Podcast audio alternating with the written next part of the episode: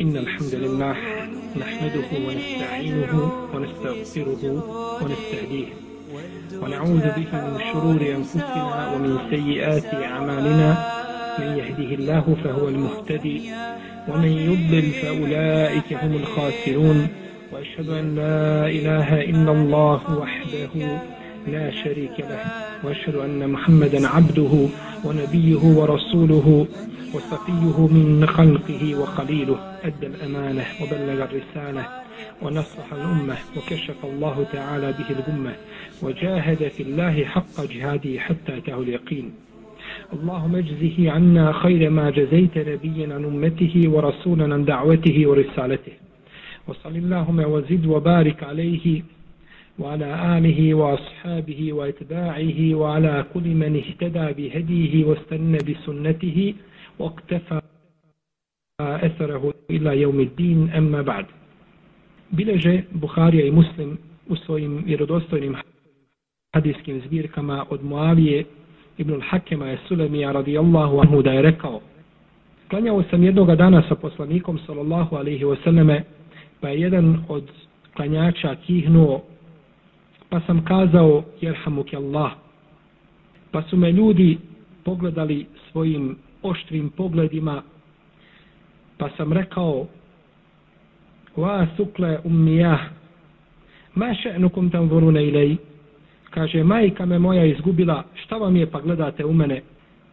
Pa su počeli udarati sa svojim rukama po svojim stegnima ušutkivajući Muaviju ibn Hakema Esulemija radijallahu anhu kaže Muavija pa sam ušutao Pa kada je poslanik sallallahu alejhi ve završio namaz, kada je preselamio majkom ga svojim, svojom ga majkom i ocem iskupljujem, nisam vidio nikada učitelja niti daje boljeg od njega ne prije niti poslije njega.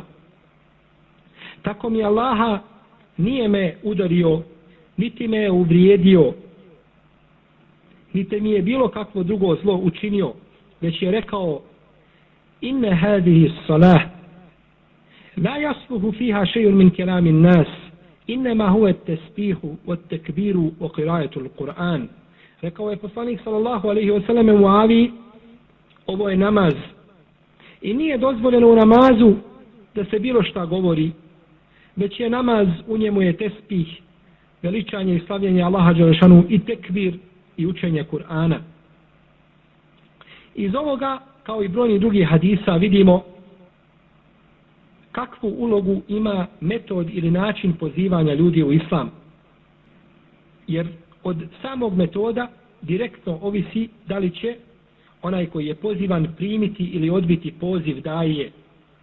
Pa ako daje na najljepši način postupi kao, kao što je to učinio naš poslanik sa osreme u ome i u brojnim drugim slučajima i takav je bio općenito u svojoj davi i u svome pozivanju ljudi u islam, onda će se desiti i a, desit će se ono što je daje, što je daje i očekivao ili što mu je bila želja ili cilj, a to je da primi od njega ono čemu ga je pozivao i s druge strane da on kao daje dobije nagradu kod uzvišenog Allaha te barake o teala. Kazao je poslanik sallallahu alaihi wasallam u hadisu Ebu Umame koga bileži imam Tirmizi ibn Ibnu Mađe sa ispravnim lancem prenosilaca Inna Allahe wa melaiketehu wa ehlu samavati wal ardine hatta nemletu fi džuhriha wa hatta lhutu da yusallune ala muallimin nasil hajre Rekao je poslanik sallallahu alejhi ve selleme u istinu uzvišeni Allah i njegovi meleki i stanovnici nebesa i zemalja čak i mrav u svojoj rupi čak i riba u morskim dubinama donose salavate na onoga koji poučava ljude hajru i dobru. Pa je ovo ta nagrada koju je poslanik sallallahu alejhi ve u ome i u brojnim drugim hadisima obećao onima koji pozivaju ljude na istinu, koji ljudima objašnjavaju šerijatske propise. Ovdje je došlo inna Allaha wa malaikatahu wa ahlul ard. U istinu Allah i njegovi meleci i stanovnici nebesa. Kaže imam El u svome komentaru u svome poznatom komentaru kada je spomenuo ovaj hadis, kaže, ovdje su spomenuti meleki i stanovnici nebesa. A znamo da su meleki stanovnici nebesa. Kaže, ovdje na stanovnike nebesa, ovim izrazom misli se na hameletul arš, misli se na meleke koji nose arš, da oni posebno, da oni posebno donose salavate, znači na čovjeka koji poučava ljude dobru. I ovdje je spomenuto muallimun nasi el hajr, oni koji poučavaju ljude dobru. Ovdje je dobro, kako kaže Ali Kari, Ali El Kari, u svome komentaru koji se zove Merkatul Mefatih, a, kaže da se to odnosi na poučavanje ljudi islamu, jer je islam najveći hajr i najveće dobro. Nakon što je spomenuo citirani hadis, šehol islam ibnul Kajim u svome predivnom dijelu koji se zove Miftahu Dari Seade, ključ kuće zadovoljstva ili kuće sreće, kaže, budući da je čovjek pozivao ljude dobru, učeći njihovoj vjeri, i to je bio razlogom da njihovog uspjeha na Dunjaluku i na Ahiretu i čišćenja njihovih duša, uzvišeni Allah te barak je od ga je nagradio shodno dijelu koje je činio, pa je učinio svoj salavat i salavat svojih meleka i salavat stanovnika nebesa da budu uzrokom i razlogom njegovog uspjeha na oba dva svijeta. Pa kaže kako je on pomogao uzvišenog Allaha te barak je otela i njegovu vjeru, tako je uzvišeni Allah azze wa pomogao, pomogao njega. Poučavanje ljudi istini i pozivanje ljudi istini zahtjeva hikmet i mudrost. Jer je došlo u jednom hadisu koji ima slab lanac prenosilaca da se kaže el hikmetu daletul mu'min hajthuma vođedeha ehaze biha, da je hikmet izgubljena stvar mu'mina, gdje god da nađe tu stvar, on će, on će prihvatiti i on će iskoristiti. Pa je znači hikmet i mudrost jako bitna stvar, kako kaže uzvišeni Allah te barak je otala, yu'til hikmete men ješa, omen ju'til hikmete fekadutije hajren kesira. Allah daje hikmet i mudrost onome kome želi A kome uzvišeni Allah za uđel dadne hikmet, tome je dato veliko, veliko dobro. Stoga čovjek daje koji poziva ljude vjeri, a svako od muslimana je daja shodno svojim mogućnostima, kako je poslanik sallallahu sallam rekao i naredio nam riječima Belligu anni walau aje. Prenesite od mene taman jedan argument, taman jedan dokaz koji imate, prenesite ga od mene, poučite ga ljudima i svaki čovjek mora prenositi od vjere ono što zna, a ono što ne zna dužan je da pita, dužan je da pita učeniji. A hikmet je da čovjek postavi, ili mudrost je da čovjek postavi svaku stvar na njeno mjesto, pa da se obraća ljudima shodno njihovim, shodno njihovim intelektualnim i drugim mogućnostima, da razumiju čovjeka, da razumiju ono što im govori i da im to prenese na najljepši način. Tako je činio naš poslanik sallallahu alejhi ve selleme. To potvrđuje i predaja koju bliži ima Mahmed u svome Musnedu i Tabarani u svome djelu Muadžum al-Kebir, koja ima ispravan lanac prenosilaca od Ebu Umame radijallahu anhu da je rekao Došao je jedan mladić poslaniku sallallahu alejhi ve selleme i rekao mu Allahu poslanice dozvoli mi da činim nemoral učini mi olakšicu da činim nemoral pa su ashabi grubo osudili njegov postupak i prigovorili riječima koje je kazao. Pa je kazao poslanik sallallahu alejhi ve pustite ga. Pa ga je pozvao. Pa mu je rekao: Da li bi volio da tvoja majka počini nemoral? Pa je kazao: Ne bi nikako Allahov poslanice. Pa je kazao: Ni ljudi ne vole da njihove majke čine nemoral. Pa je kazao: A da li bi volio da tvoja sestra počini nemoral? Pa je kazao nikako Allahov poslanice. Pa je kazao tako ni ljudi ne vole da njihove sestre čine nemoral.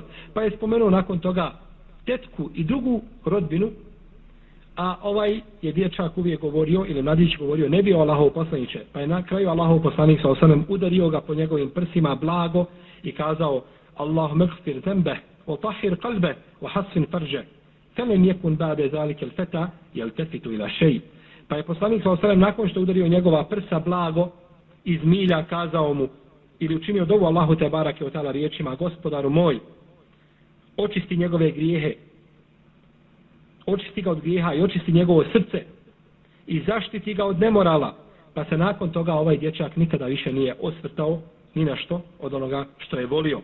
Pa vidimo kako su riječi poslanika sallallahu alejhi i kako je njegov blag i nježan metod utjecao na ovoga, utjecao znači na ovoga mladića da je ostavio ono što je prije toga volio i ka čemu je žudio. Čovjek ako želi ljudima dobro, mora biti sa njima blag i mora biti sa njima nježan.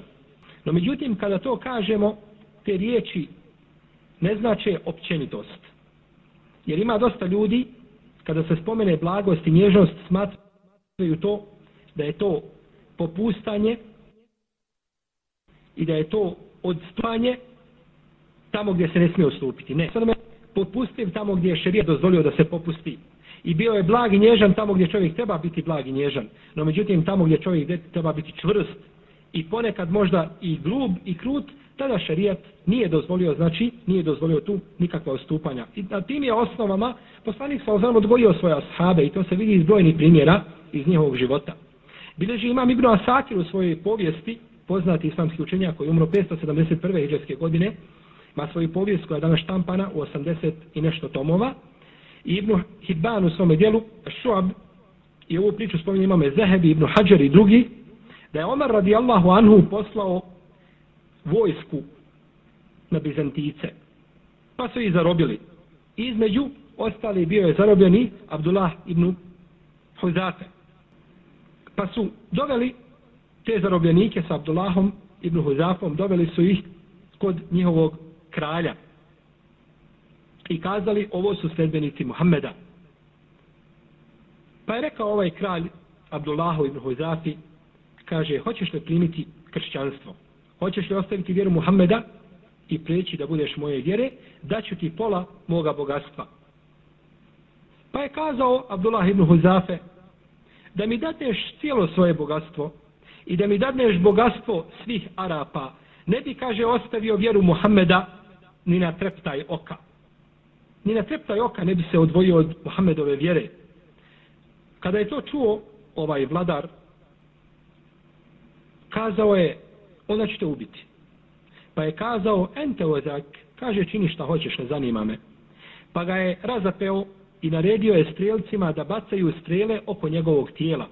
Znači da ga ne pogode, već da ga plaše. Dok su bacali strele, on je govorio, hoćeš li primiti kršćanstvo? Pa je odbijao.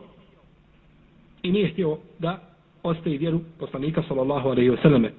Vidimo znači da je ovdje istrajnost i čvrstoća sastavni dio vjere i da nije dozvoljeno čovjeku znači da popusta.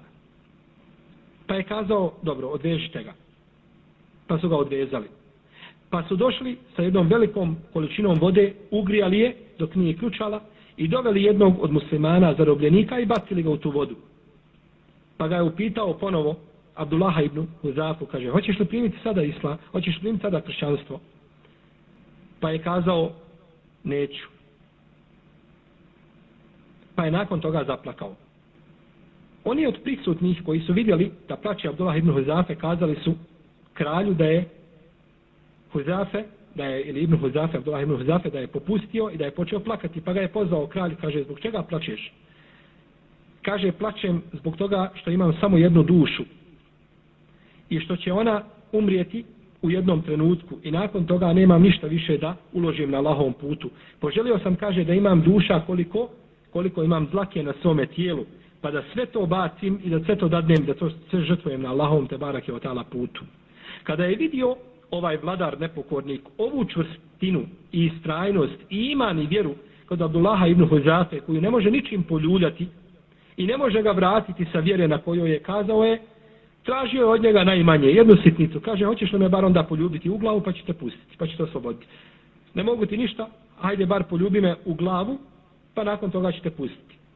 Smatrao je to uspjehom ako Abdullah ibn Huzafe ga poljubi u glavu. Pa je kazao Abdullah, kaže, hoću poljubiti te u glavu, no međutim, no međutim, oslobodi mene i sve druge zarobljenike. Pa je kazao, dobro, oslobodit ću i tebe i druge, samo me poljubi u glavu. Pa ga je poljubio, pa ga je oslobodio. Pa kada je došao Abdullah sa zarobljenicima u Medinu i kada su obavijestili Omara radijallahu anhu šta se desilo, kazao je Omar pravo svakog muslimana ili obaveza svakog muslimana je da poljubi Ibnu Huzafu u glavu, a kaže ja sam prvi koji će to učiniti, pa je ustao Omer i poljubio Abdullaha Ibnu Huzafu u glavu radijallahu anhuma. Vidimo iz ove priče da je Abdullah Ibnu Huzafe ostao čvrst i ustran u svojoj vjeri, nepopustljiv, kao, kao čvrsta stijena. No međutim, kada je došlo u pitanje da bude on oslobođen i svi muslimanski zarobljenici samo da bi poljubio ovoga nepravednika u glavu, on je to žrtvovao, znači i tu je popustio, jer je time spasio svoj život i živote mnogih drugih muslimana. Pa vidimo, znači, da je hikmet koga je uzvišeni Allah te barak je od tada širio a, među ashabima, bio, znači, a, da se može popustiti tamo gdje šarijet dozvoljava da se popusti, a tamo gdje je šarijet čvrst, znači, nije, nije dozvolio, znači, elastičnost, tu čovjek mora isto tako ostati, ostati ustrajan. Tako je uzviše, tako je naš poslanik sallallahu alejhi ve svojim lijepim ponašanjem i svojim ahlakom i lijepim pozivanjem ljudi u islam plijenio je ljudska srca. Plijenio je ljudska srca i nisu se mogli nikako oduprijeti tom lijepom ponašanju. Pa je poslanik sallallahu alejhi ve sellem bio živi, pa je poslanik sallallahu alejhi ve bio živi Kur'an koji je hodio po zemlji i koji je pozivao ljude dobru na najljepši mogući način. Bileži imam Ibn Abi Šejbe u svome dijelu Musannef i Ovu je predaju također spomenuo u svome dijelu Al-Magazi od Omara radijallahu anhu da je rekao Dobila je moja sestra porođajne bolove pa su me istirali iz moje kuće pa sam otišao u Keabu. Sjedeći u Keabi osjetio sam da je ušao poslanik sallallahu alaihi wasallame klanjao je izesni, izesni period i nakon toga okrenuo se i izišao. Kaže pa sam krenuo za njim. Omer radijallahu ta'ala anhu u ovo vrijeme nije bio primio islam. Kaže pa sam krenuo za poslanikom sallallahu alaihi wasallame pa se okrenuo i pitao ko je to? Pa sam kazao Omer. Pa je rekao poslanik sallallahu alaihi wasallame Ja Omer, la te trukuni lejlen wala nahara, kaže Omere, kaže, nećeš da me ostaviš na miru ni dan ni noć, uvijek me pratiš i uhodiš. Kaže Omer, fa hašitu an jedu alejje kaže pa sam se prepao da će dobiti protiv mene. Poslanik sa osanem kaže pa sam odmah izgovorio šehadet. Pa sam odmah izgovorio šehadet. Pa je rekao poslanik sallallahu alejhi ve selleme kaže o Omere sakri to što si uradio to jeste sakri u svoj islam. Pa je rekao Omer tako mi onoga koji te je poslao sa istinom neću kriti islam kao što nisam krio ni svoj džahilijet kao što nisam krio znači ni svoj širk. Tako ću ga, tako ću objaviti isto svoj, svoj islam. Pa vidimo kako je poslanik sallallahu alaihi wasallame postupao lijepo sa ljudima, da je jednostavno iz jednog običnog razgovora sa Omerom koji je bio najveći i najžešći borac poslanika sa ozornim muslimana u to vrijeme, učinio ga je znači da primi, da primi islam. Bio je poslanik sallallahu alaihi selleme najblaži čovjek u svome pozivanju ljudi, želeći im hajr i želeći im dobro obraćao se ljudima sa riječima punim poštovanja i nježnosti i blagosti. Bileže Buharija i Muslim u svojim hadijskim zbirkama od Aisha radijallahu ta'ala anha da je pitala poslanika sallallahu alaihi wasallame u Allahov poslaniće je li ti kada došao teži dan od dana Uhuda pa je rekao kaže jeste i mu lakabe dan akabe kada sam izlazio kaže i nudio određenim plemenima i pozivao ih u islam pa su odbili i grubo postupili prema poslaniku sallallahu alejhi ve selleme pa sam kaže Allahov poslanik dalje izišao žalostan iz njihovog mjesta vraćajući se nazad dok nisam došao do mjesta koje se zove Karnu Sealib a to je mjesto poznato po imenu Karnun Menazil a to je Mikat stanovnika Neđda. Pa sam, kaže, osjetio iznad mene oblak, jedan veliki, pa sam, kaže, digao svoju glavu i vidio sam Džibrila u tom oblaku, pa mi kaže, o Muhammede, Allah je čuo ono što su ovi ljudi govorili i kako su prema tebi postupili i poslao je, i poslao je sa mnom meleka brda. O Muhammede, naredi šta želiš. Ako želiš, poklopit će ih i prekriće ih sa ovim brdima kao da nikada nisu postojali na ovoj zemlji. Pa je kazao poslanik sallallahu alejhi ve selleme koji je poslan kao milost svjetovima, kako kaže uzvišeni Allah azza wa džel: "Wa ma arsalnaka illa rahmetan lil alamin." A mi te nismo poslali nego kao milost svim svjetovima i ljudskim, i džinskim, i životinskim, i prirodi, i svemu smo te poslali kao milost. Rekao je poslanik sa osrem tom prilikom, Bel arđu en juhriđa Allahu min aslabihim, men ja'budu Allahe wahdehu, wala yushriku bihi še'a. Ne kaže, ja molim uzvišenog Allaha i očekujem ako Bog da da će Allah iz kičmi ovih ljudi, to jeste iz njihovog poroda, izvesti ljude koji će obožavati uzvišenog Allaha te barake od tala jednog jedinog i neće mu, i neće mu druga pripisivati. Vidimo da je poslanik sallallahu alejhi ve selleme ovdje imao priliku da se osveti sa najjačom Allahovom te barake od tala vojskom, njegovim melekima, no međutim nije. Pored toga oprostio im je ono što su činili, želeći dobro ljudima i pozivajući hajr i pozivajući znači u pozivajući u islam. I nije mu bio cilj da se sveti ljudima. Bileži imam Tirmizi, imam Ahmed i Hakim i drugi sa ispravnim lancem prenosilaca od Ibnu Abbasa, radijallahu anhu, da je rekao, došao je poslanik sallallahu alaihi wasallam jednoga dana i klanjao je, pa je došao Ebu Džehl i rekao mu, zar ti nisam zabranio da to činiš? I to je ponovio tri puta, zar ti nisam zabranio da obavljaš molitvu? Kada je poslanik sallallahu alejhi ve završio namaz, odgovorio je grubo Ebu Džehl, Ebu Džehlu, odgovorio mu je grubim riječima i okrenuo se. Pa je rekao Ebu Džehl, ti znaš, kaže, da ja imam najviše ljudi koje mogu pozvati ovdje i koji će stati sa mnom i koji će braniti mene i ono što ja zastupam. Ti znaš da mi ne može niko ništa, da ja imam vojsku ovdje. Pa je uzvišeni Allah te barak je otala tom prilikom objavio ajet u kome kaže Fel jedu'u nadije se zebanije neka on pozove one koji hoće da poziva, a mi ćemo pozvati zebanije, a to su meleki azaba. Kaže Ibn Abbas, tako mi Allaha, da su se samo, da je samo koga pozvao od ljudi, kaže sa njim bi se pozabavili meleki azaba. Meleki azaba bi se sa njim pozabavili. Znači, pored toga što je poslanik sa osadom imao i bila mu je zagarantovana pomoć i pobjeda, imao je vojske koje su mu mogle pomoći, nije, nije uvijek primjenjivao znači silu i u većini slučajeva bio je znači blag, ne želeći ljude prisiljavati, niti im se želeći, niti im se želeti, želeći svije, svijetiti, znači zbog propusta koje čine ili zbog grubosti i njihovog neumjesnog ophođenja prema poslaniku, sallallahu alaihi wa alihi wa sallame. Allahov poslanik sallallahu alejhi ve selleme trpio koliko je mogao. No međutim, kada bi ezijet koga su činile Kurejšije prešao granice, onda bi Allahov poslanik znao ponekad i uputiti dovu protiv njih. Tako bileže Buharija i Muslim od Ibnu Mesauda radijallahu anhu da je rekao klanjao je poslanik sallallahu alejhi ve selleme jednoga dana pored Kjabe pa je Ebu Džehl kazao svojim pristalicama koji su sjedili sa njim u društvu Ko će, kaže, donijeti utrobu od deve koja je juče zaklana kod tog i tog čovjeka i baciti je na vrat i leđa Muhammedu kada učini seđdu. Pa je ustao jedan od najnesretnijih ljudi koji su bili u tom društvu opakom, otišao, donio utrobu od deve i bacio je na leđa poslaniku za osanem na njegov vrat kada je učinio seždu. Pa su se počeli silnici smijati tako da su se naginjali jedan na drugoga od silnog smijeha.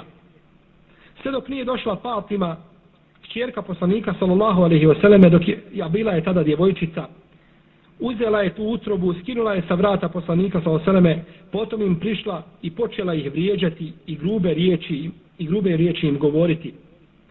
Kada je poslanik sallallahu alaihi vseleme završio svoj namaz, ustao je i a, gromkim glasom učinio dovu Allahu te barake wa ta'ala rekavši Allahumme alejke bi kurejš. Ponovio je to tri puta gospodaru moj tebi se žalim i od tebe pomoć tražim protiv kurejša. Kada su čuli dovu poslanika sa osalem istog momenta su se prekinuli smijati jer su se pobojali za sebe. Oni su znali da je on poslanik no međutim nisu htjeli da vjeruju iz svoje oholosti. Pa je rekao, Allahume alejke bebi džahl ibn Hišam, gospodaru moj, ti se pozabavi i ti kazni Ebu Džehla ibn Hišama, i Utbeta ibn Rebiju, i Šejbu ibn Rebiju, i Elvalida ibn Ukbu, i Umeje ibn Halefa, i Ukbete ibn Ebi Muajib, i spomenuo je sedmoga, kaže Ravijano, međutim ja ga nisam zapamtio. Ova sedma osoba ili sedmi čovjek koji je spomenut ili mušik, Spomenuo ga Imam Buharija u svome sahihu, kaže da je to bio Umare ibn Walid. Kaže Ibn Mes'ud, tako mi onoga koji je Muhammeda poslao sa istinom, vidio sam, kaže, sve ove ljude da su ubijeni i povaljani kao trupovi na danu bedra, pa su potom dovučeni i bačeni u jedan bunar kao poniženje njima obistinila se i uslišao je uzvišeni Allah te barak je otala dovu svoga poslanika sa osaleme koga su ezijetili i koga su uznemiravali. Subhanallah, koliko je samo poslanik sallallahu alaihi wasallam trpio ezijete svoga naroda koji su ga vrijeđali, koji su ga uznemiravali, koji su ga sprečavali u njegovoj poslaničkoj misiji. Bileži imam Ibn Hibban, imam Tabarani i Darekutni sa ispravnim lancem prenosilaca od Tarika Ibn Abdillaha el Meharidija, da je rekao, kaže, vidio sam poslanika sallallahu alaihi wasallame da je došao jednoga dana na pijacu, a ljudi su se okupili oko njega pa je vikao o ljudi recite la ilaha illallah uspjećete. A iza njega je išao čovjek i udarao ga kamenjem i govorio o ljudi nemojte mu se odazvati ovo je lažov pa su upitali ko je to kažu to je njegov Amidža Ebu Leheb vidimo da je poslanik sallallahu alejhi ve selleme znači trpio ezijete od najbližih ljudi njemu no međutim pored toga to nije spriječilo poslanika sallallahu alejhi ve selleme da poziva u Allahovu te barake ve ta'ala vjeru i ništa ga nije moglo zaustaviti na tome na tome putu. Allahov poslanik sallallahu alejhi ve selleme je bio najbrižniji čovjek prema svome umetu, prema ljudima koje poziva. A sve ljudi koje a sve ljudi, e, svi ljudi koje čovjek koji je poslanik sa osanem ve pozivao u islam smatraju se njegovim umetom. Pa ima jedan dio umeta koji je prihvatio njegov davet kao što su muslimani, a ima drugi dio umeta koji nisu prihvatili njegov davet pa su ostali na svome, pa su ostali na svome nevjerstvu. No međutim, svi se smatraju, znači, u onome globalnom smislu umetom poslanika, salahu alaihi wa alihi wa sallam. Bileži ima muslim u svome sahihu od Abdullaha ibn Amra ibn Lajasa radijallahu anhuma, da je poslanik s.a.v. jednog dana proučio ajet u kome uzvišeni kaže Rabbi inne hunne avvalne kethiran minan nas femen tebi'ani fe innehu minni riječi koje izgovorio Ibrahim a.s.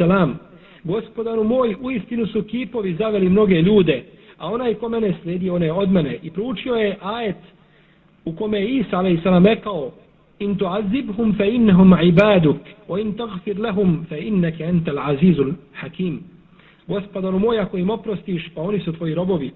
Ako ih kazniš, pa ti si silan i ti si i ti si mudar. Potom je digao poslanik sallallahu alejhi ve selleme svoje ruke i rekao: "Allahumme ummeti ummeti." Potom je zaplakao. Pa je uzvišeni Allah te barake ve taala poslao meleka Džibrila, uzvišeni azza ođel, koji je iznad sedam nebesa, iznad svoga arša azza ođel, poslao je meleka Džibrila. Kaže: "Idi Muhammedu, i pitaj ga zbog čega plače, a uzvišeni bolje zna i od Muhammeda i od Džibrila zbog čega poslanik sa osaname plače. Pitaj ga zbog čega plače, šta ga je to rasplakalo. Pa je pitao poslanika sa pa je rekao moj ummet, moj ummet. Pa se vratio Džibril svome gospodaru Tebarak je otara i obavijestio ga. A on bolje to zna i od Džibrila i od poslanika sallallahu alaihi wasallam. Pa je rekao o Džibrilu, idi nazad Muhammedu i reci mu inna senurubike fi ummetik wala nesuuk. Kaže, mi ćemo te učiniti zadovoljnim u tvome ummetu. Učinit ćemo ti zadovoljstvo u tvome ummetu i nećeš biti žalostan zbog svoga ummeta. Kaže Ebu Hureyre u hadisu koga bilježe Buhari i Muslim da je poslanik sallallahu alaihi wa sallam rekao svaki poslanik ima davu ili ima davet ili dovu koja mu je uslišana koju će uzvišeni Allah te barak je od uslišati, neće mu je, neće mu je, znači, odbaciti ni u kom slučaju. I svaki od tih poslanika je iskoristio tu dovu i tu priliku na ovome svijetu. A ja sam, kaže, ostavio moju dovu da činim šefat mome umetu na sudnjeme danu. Vidimo koliko je poslanik sa osaname bio brižan da uvede ljude u islam, a nakon toga bio je brižan da ostanu u svome islamu i nakon toga da ostavi za njih ono što je najvrijednije, ono što je najvrijednije na sudnjem danu, a to je dova i šefa da im čini na sudnjem danu, da im uzvišeni Allah te barak je tala oprosti, ili jedan od poznatih šefata koje spominju islamski učenjaci. Kažemo, bio je poslanik s.a.v. najbrižniji, najbrižniji prema svome ummetu. U hadisu koga bileže Buharija i Muslimu Dajše radijallahu ta'lanha, kaže kada bi zaduvao jak vjetar, poslanik, poslanik sallallahu alaihi wasallam bi izišao iz kuće, promijenila bi se boja njegovog lica, potom bi se ponovo vratio u kuću, bio bi uznemiren, bojeći se azaba i bojeći se kazne, da ne bi slučajno bila postana sa tim, sa tim vjetrom. Bojao se je poslanik sallallahu alaihi wasallam azaba i kazne za svoj umet, ne za sebe, sallallahu alaihi wasallam, pa on je najbolji čovjek i najbolji Allahov rob i poslanik koji ikad kročio zemaljskom kuglom, nego se je bojao da ne zadesi nešto ovaj umet. Tako se je poslanik sallallahu alaihi wasallam obhodio blago i nježno sa svojim umetom i sa ljudima koje je pozivao i zbog toga plodovi njegovog truda i njegovog daveta bili su vidni kako među muslimanima, tako i ne među muslimanima. Pa su brojni ljudi koji su sledili tada kršćansku ili židovsku vjeru ušli u islam prenosi imam Taberani od Zejda ibn Sanebe ili Zejda ibn Sane da je kazao ja sam na Muhammedu vidio sve alamete ili znakove poslanstva osim dva. Osim dva koja su bila spomenuta u našim knjigama. On je bio, znači, od Ehlul Kitaba. Kaže, jedno, jedan od tih znakova jeste da je njegova blagost jača i veća od njegove sržbe. I da čovjek što god biva prema njemu žešći da on i grublji da on biva blaži. I drugo je da je njegov razum i njegovo razmišljanje ispred njegovog jezika. Kaže, pa sam se htio uvjeriti u ove riječi. Pa sam kupio od Muhammeda, kaže Zaid, pa sam kupio od Muhammeda, sallallahu alaihi wasallam, neke datule da mi znači tu robu a, isporuči nakladno, što je poznato kod islamskih učenjaka kao Beju Selem, platio je cijenu, a nakladno će dobiti robu. Pa smo se dogovorili o količini robe i o terminu kada se treba isporučiti roba. Kaže, pa sam došao dva ili tri dana ranije, prije nego što je došlo vrijeme, isporuke, pa sam uzeo Muhammeda, sallallahu sallame, za njegovu košulju i uvrnuo je istegnuo je i kazao Muhammede, zar nećeš dati ono što si dužan? Kaže, obratio sam se jako grubim riječima. Tio sam, kaže, Zaid, provjeriti ono što sam čitao u svojim knjigama. Kaže, pa sam pogledao u Omera, a Omer ku, kruži i kola sa svojim očima i probada me sa njima kao sa strelama. Pa ne mogavši da se suzdrži, rekao je, zar tako se obraćaš poslaniku, sallallahu alaihi sallam, tako grubim riječima? Tako mi Allahu, Allahu poslanič, ako mi dozvoliš, kaže, ja ću ga, ja ću mu osjeći glavu. Pa je poslanik sallallahu alejhi rekao: "O Omere, ja i Zeid smo bili potrebni nečeme drugom. Ja sam bio potrebniji da mi kažeš, o Allahov poslanice, vrati Zeidu ono što si dužan, a Zeidu si trebao kazati zbog čega se obraćaš grubim riječima. Obrati se poslaniku sallallahu alejhi na lijep način. Pa je kazao, o Omere, idi idi u državnu kasu ili u državni magazin, pa daj Zejdu ono što smo se dogovorili i kaže dodaj mu još 20 pregršti zbog toga što si ga uvrijedio. Dodaj mu još 20 pregršti kao znak pažnje ili izvinjenja zbog toga što si prema njemu bio grub. Kaže Omer, pa smo otišli, pa sam mu dao ono što je poslanik sallallahu alejhi ve sellem redio. Pa je rekao Zeid, o Omere, znaš ti mene ko sam ja? Pa je rekao, ne znam. Kaže, ja sam Zaid ibn Sane, poznati učenjak Ehlul Kitaba. A kaže, ti si Zaid? Kaže, jeste, ja sam Zaid. I kaže, ovim sam htio da provjerim da li je Muhammed zaista onakav kakav je opisan u, nasi, u našim knjigama. I uvjerio sam se, o Omere, ja svjedočim da je Muhammed Allahov poslanik i da nema drugog Boga osim Allaha te barake otala. ta'ala. Pa se je nakon toga vratio, pa se je nakon toga vratio Zaid ibn Sane kod poslanika sallallahu alejhi ve selleme i izgovorio izgovorio dva šehadeta. Izgovorio je tada dva šehadeta, znači i primio je i primio je islam. Vidimo kako je kako je a, odnos poslanika sallallahu sallam prema Zeidu i njegovo lijepo ponašanje prema njemu dovelo da primi islam i da uđe da uđe u vjeru pored koje uzvišeni Allah te barake od neće primiti druge vjere. Stoga je obaveza muslimanima da ugledajući se na našeg poslanika sallallahu alejhi ve selleme pozivaju ljude u vjeru na najljepši način, želeći im dobro i da se ophode prema tim ljudima kao što se ophodi liječnik prema bolesnicima, jer je to jedini put, jedini način da ljudi prihvate od čovjeka ono čemu ih poziva. Ja molim uzvišenog Allaha te barake o da nas pouči našoj vjeri i da nas obskrbi ahlakom poslanika sallallahu alaihi wa sallame i da nas učini uspješnim u našim davetskim i misionarskim pozivanjima i da nam od, naj, od naših dijela najbolje učini zadnja od njih. Allahu te ala alam, sallallahu ala nebina Muhammed.